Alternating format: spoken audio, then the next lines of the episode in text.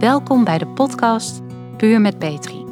In deze podcastserie gaat professor Petri Embrechts in gesprek met iemand met een verstandelijke beperking en met ouders die een kind hebben met een verstandelijke beperking. In drie afleveringen vertellen Gijs Wanders, Alice Jongerius en Marieke van Wilde openhartig over hun persoonlijke ervaringen en hoe zij die vanuit hun eigen kracht positief inzetten. In aflevering 1 praat Petri met ex-journaalpresentator en verslaggever Gijs Wanders. Zijn dochter Vera heeft een licht verstandelijke beperking. Vera woont inmiddels zelfstandig en heeft een baan. Maar de weg daarnaartoe was er een vol hobbels. Gijs vertelt hoe hij deze weg bewandeld heeft en hoe hij het verhaal van Vera gebruikt als voorbeeld voor anderen.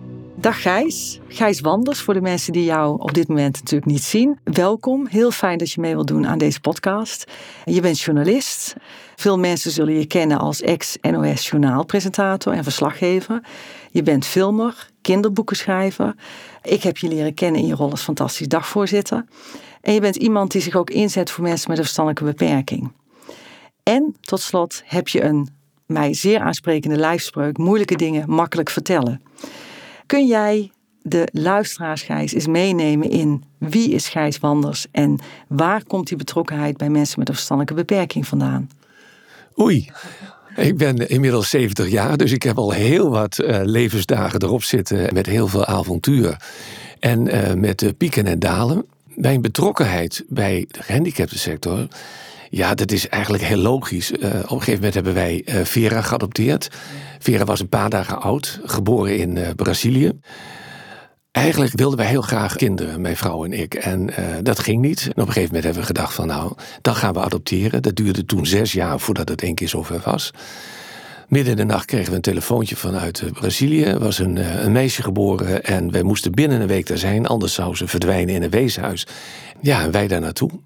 Nou ja, dan heb je zo'n kind op een gegeven moment in je armen. En dat is 100% jouw kind. Je voelt een ja, een, een, immense verantwoordelijkheid. Je voelt een, hele grote liefde. Het is niet een ander kind dan je eigen biologische kind. Want twee jaar later kregen wij uh, onze andere dochter, Anouk, biologische dochter. Dus toen lukte het ineens wel. En hadden we hetzelfde gevoel weer als bij Vera. Ja, na verloop van tijd bleek dus dat Vera een verstandelijke beperking had. En ja, dan, komt er iets op gang wat je uiteindelijk heel erg uh, je leven gaat bepalen. En wat ook wel ervoor zorgt dat je alles wat er gebeurt in de gehandicaptenzorg, dat je dat heel nauwlettend volgt. Omdat je overal waar je hulp vandaan kunt halen, moet je dat ook doen, want dat heb je nodig om overeind te blijven, maar ook om haar de mogelijkheden te bieden en haar een zo volwaardig mogelijk leven te geven. Ja. Hoe oud was Vera toen jullie als ouders signalen kregen dat ze misschien op bepaalde gebieden wat achterliep of dat je doorging met onderzoeken wat er aan de hand was? Ja, na, na een paar maanden waren er al mensen in onze uh, directe omgeving die zagen dat Vera anders was dan een gewoon normaal gezond kind. Maar ze durfden dat niet tegen ons te zeggen, omdat ze zagen hoeveel wij van Vera hielden. En, en ze waren bang dat ze ons zouden teleurstellen, weet je wel. Dus uh, dat hebben ze niet gezegd. En uh, wij kregen op een gegeven moment pas van de juf van de peuterspeelzaal te horen. Het was een oudere juf. En die zei: Ik heb zoveel kinderen in mijn uh, leven voorbij zien komen. Maar nog nooit zo'n ingewikkeld kind als Vera. En toen vroegen we haar, wat bedoel je ermee? We hadden wel in de gaten, Vera die ging laat staan en lopen en maakte veel stuk, schreeuwde ook af en toe heel erg. Maar weet je, we dachten, ja, misschien heeft dat gewoon te maken met, ja, ene kind is niet hetzelfde als het andere kind, weet je wel. Is er gewoon een druk kind of... Bovendien had zij een oogafwijking, daar is ze toen aan geopereerd. En we dachten, oh, daar heeft dat daar natuurlijk mee te maken. Ze kon niet goed zien. En ja, dan gaat een kind misschien zo reageren. Maar deze juf, die zei op een gegeven moment, nee, dit is toch iets anders. Er is met haar iets aan de hand. Toen is ze uh, geobserveerd door een aantal deskundigen. En uh, de een die kwam tot de conclusie: ja, Vera die uh, zal nooit het niveau van een zesjarige overstijgen. Dus ze heeft een ernstige verstandelijke beperking. En een ander zei: van Vera zal nooit een geweten ontwikkelen. Dus dat echo nog steeds in mijn hoofd. Dat vergeet je nooit meer weer wat er toen werd gezegd. En dat had ons kunnen ontmoedigen. Maar het tegenovergestelde gebeurde. Want wij hadden het gevoel, ze heeft wel een geweten. En we zullen laten zien dat ze dat heeft ook. En het niveau van een zesjarige, we zullen laten zien dat ze verder komt. Dus um, wij uh, hebben uh, steeds geprobeerd om haar mogelijkheden te zoeken en haar ruimte te geven om zich uh, te ontwikkelen. Maar we hadden wel ook daarbij deskundigen nodig. Wat, wat heeft ze dan werkelijk? Wij hadden geen erfelijke informatie. Nou, en toen bleek dat ze van alles wat had. Autisme, uh, Gilles de la Tourette. Um, want Vera maakte bijvoorbeeld twee stappen sprongetje, twee stappen sprongetje. Of ze sloeg met de hand tegen de hoofd aan. Ze had een tik. Dat duurde dan twee, drie weken. En dan ineens kwam er weer een andere tik. En die cocktail van al die aandoeningen maakte het gewoon zo moeilijk om voor jezelf vast te stellen. Wat moeten we nou eigenlijk doen? Hoe moeten we dit handelen? Hoe kunnen we Vera nu ja, zo goed mogelijk ontwikkelen zonder dat we er zelf ook onder doorgaan? Want het was wel heel zwaar. Ja, jij zegt van dat was zwaar. Um, kun je dat voor mensen die niet bekend zijn mm -hmm. met een kindje met een beperking of waarvan je het gevoel hebt, er is iets aan de hand, maar je weet eigenlijk niet wat er aan de hand is. Kun je dat beschrijven? Wat was de zwaarte? De zwaarte was dat Vera um, zo aanwezig was en vaak ook negatief aanwezig was in ons leven. Uh, ze schreeuwde veel, ze maakte veel kapot. En um, zij trok alle aandacht naar zich toe, waardoor onze andere kind eigenlijk nauwelijks de ruimte kreeg. Wij zelf ook nauwelijks de ruimte kregen. Ze beheerste ons leven. En vaak in hele negatieve zin.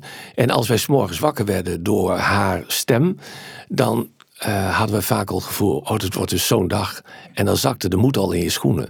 Omdat je weet dat het een. Um, uh, je bent aan het overleven met z'n allen. En ik weet nog dat wij op een gegeven moment het niet meer volhielden. En weet je, dat wil je niet toegeven. Hè? Ik bedoel, je houdt van je kind. En, uh, dus dan, ja, dan, dan kun je niet eigenlijk accepteren wat de realiteit is. En dus je rekt jezelf uit, je rek je uit. En op een gegeven moment kom je op een moment dat je ja, denkt van... Niemand kan ons helpen. Dan kom je op een moment dat je eigenlijk niet meer verder kunt.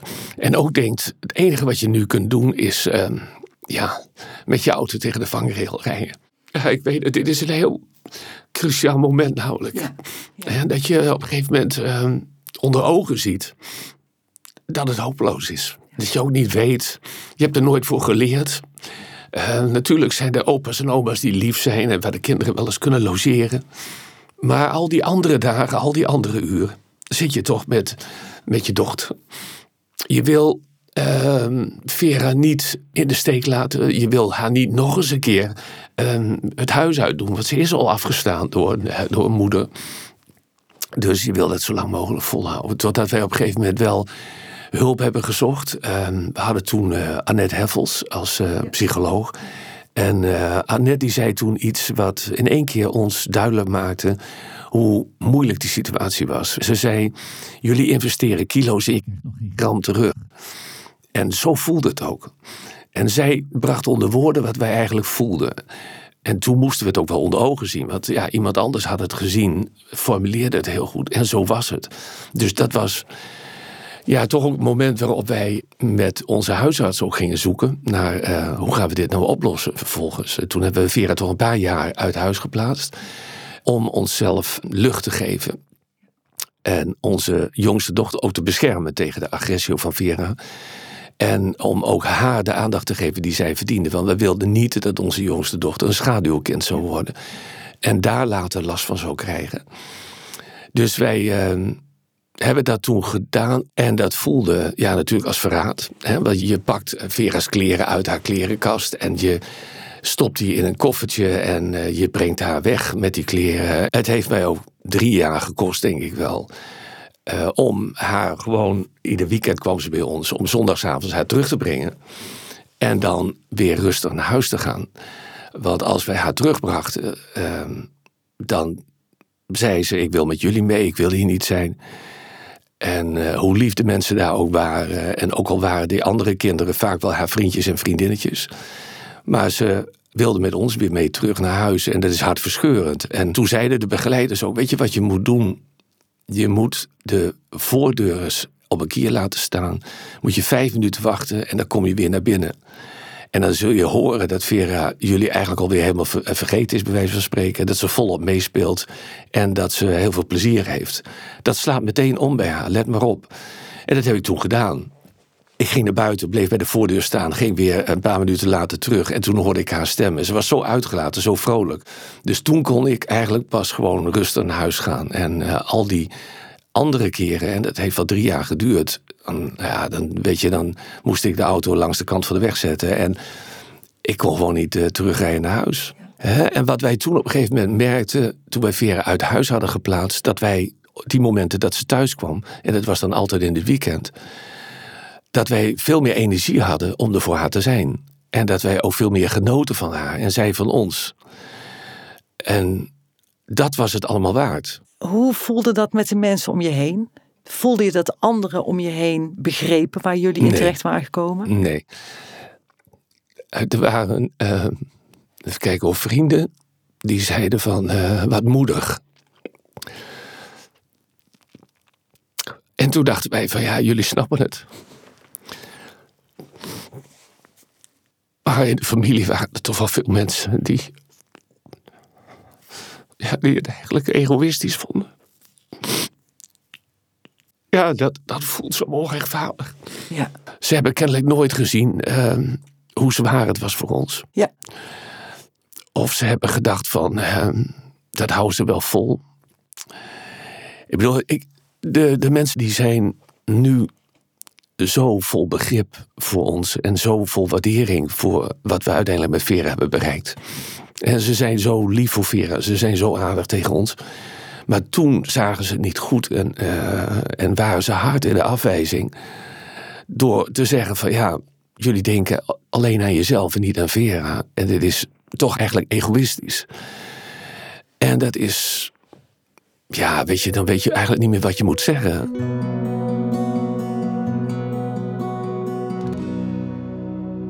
En Gijs, je doet heel veel, uh, hè, want ik volg dat natuurlijk wat je allemaal doet aan activiteiten.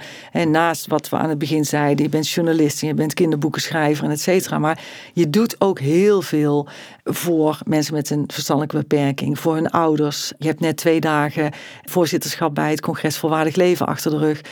Um, Vind je dat we in een andere fase komen als samenleving, waarin mensen ook zichtbaarder zijn, mensen met een verstandelijke beperking zichtbaarder zijn geworden en hun ouders ook meer positie hebben gekregen? Of zeg je van, daar is nog zo'n wereld te winnen, zodat mensen ook gewoon de verbinding durven te maken met anderen, mensen ook kunnen delen waar ze mee te maken hebben, we een beetje ondersteunen in die eenzaamheid? Ik denk dat we die aandacht moeten vragen en de gehandicaptensector is van alle zorgsectoren, zeg maar, wel een sector die zich niet zo zichtbaar maakt. En ik denk dat ook heel veel ouders ook misschien wel moeite hebben om het probleem zichtbaar te maken, om andere mensen erbij te betrekken omdat je zo bezig bent met die zorg, dat je nauwelijks toekomt aan anderen. Alles is gefocust op dat kind. En uh, nu het met Vera veel beter gaat, zij zich goed kan redden, heb ik ook meer ruimte om daar aandacht voor te vragen. Maar dan eigenlijk meer voor anderen, uit naam van anderen, die dat niet doen. Ik heb heel erg het gevoel dat mijn betrokkenheid bij de gehandicaptensector daar vandaan komt. Ik heb op een gegeven moment de weg kunnen zoeken samen met mijn vrouw, die de beste is voor Vera om zich goed te kunnen ontwikkelen, om te staan waar ze nu staat. En ik weet dat heel veel ouders dat niet kunnen. Of omdat ze dat alleen moeten doen, want ze zijn al gescheiden, of ze doen het samen. Ze zijn misschien niet mondig genoeg, of ze weten de weg niet. En uh, daar valt nog heel veel te doen. En ik denk dat ik daarom mij zo inzet voor die sector, voor die ouders. Wat wil je dan eigenlijk dat mensen gaan krijgen? Wat wil je dat mensen hebben om het aan te kunnen? Nou, weet je, ik denk dat veel mensen eh, behoefte hebben aan een regisseur. Iemand die op een gegeven moment in die doolhof van bureaucratie de weg weet te vinden voor hun. Want daar heb je al helemaal geen energie voor. Om alles te regelen wat er geregeld moet worden. Als je enige steun wilt krijgen. Ik denk dat dat een praktisch iets is wat gewoon heel goed opgelost moet worden voor deze mensen, omdat ze het al zwaar genoeg hebben.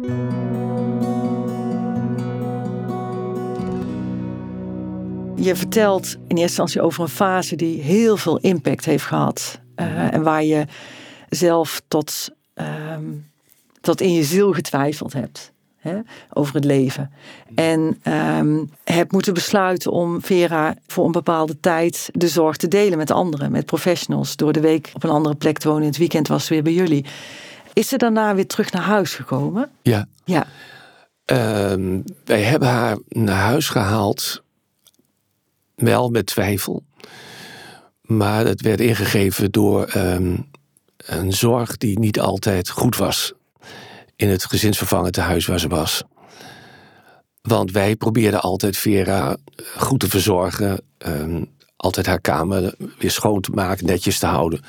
Haar altijd leuke kleren te laten dragen. En dan zag je op een gegeven moment een soort van verwaarlozing.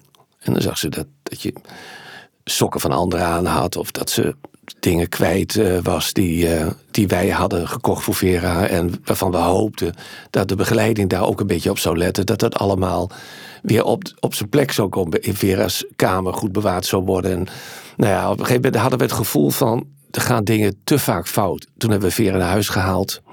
Wel met de angst van, oh god, als het maar goed gaat hier thuis.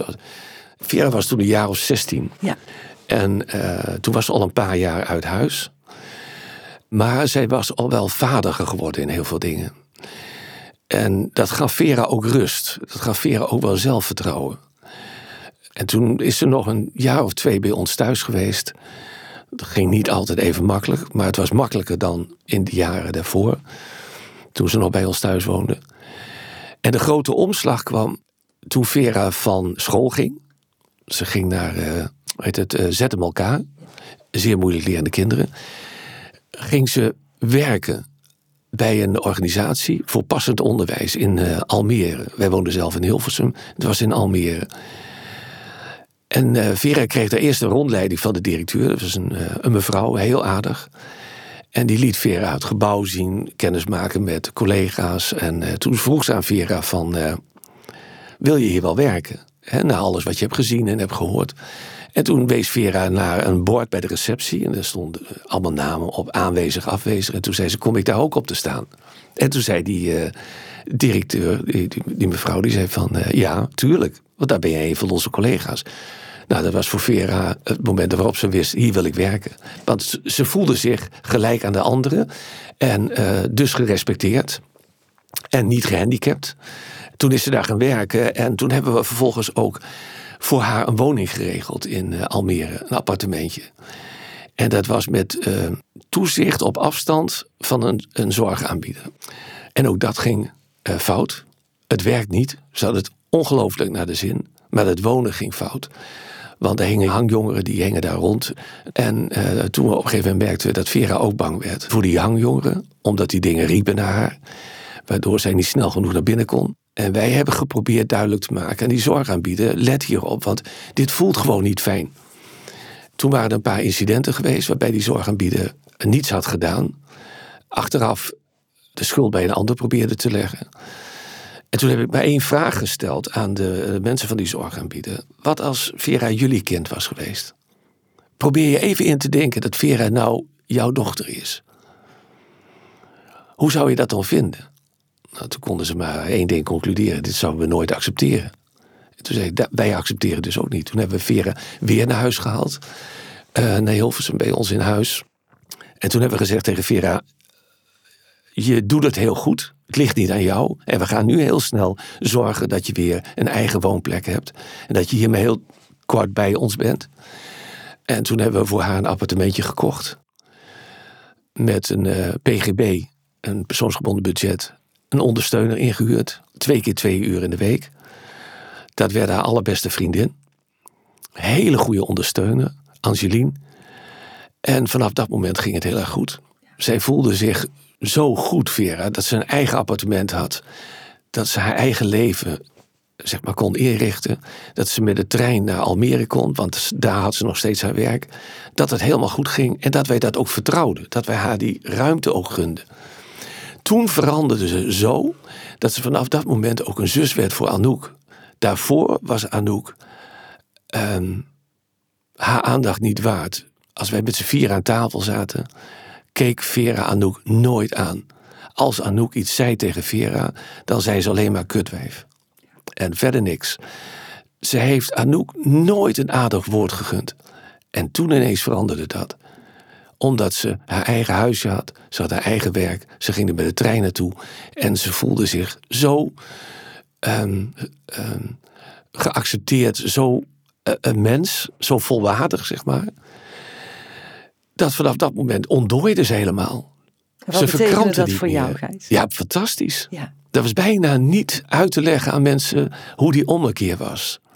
Dat is ongelooflijk. Bijna van de ene op de andere dag werd Vera een sociaal wezen. Voor haar zus, voor ons. En was die hele spanning weg. We kregen ineens een totaal andere dochter. Kon je het vanaf dat moment ook ehm, ja, loslaten? Beetje wel, maar nooit veel.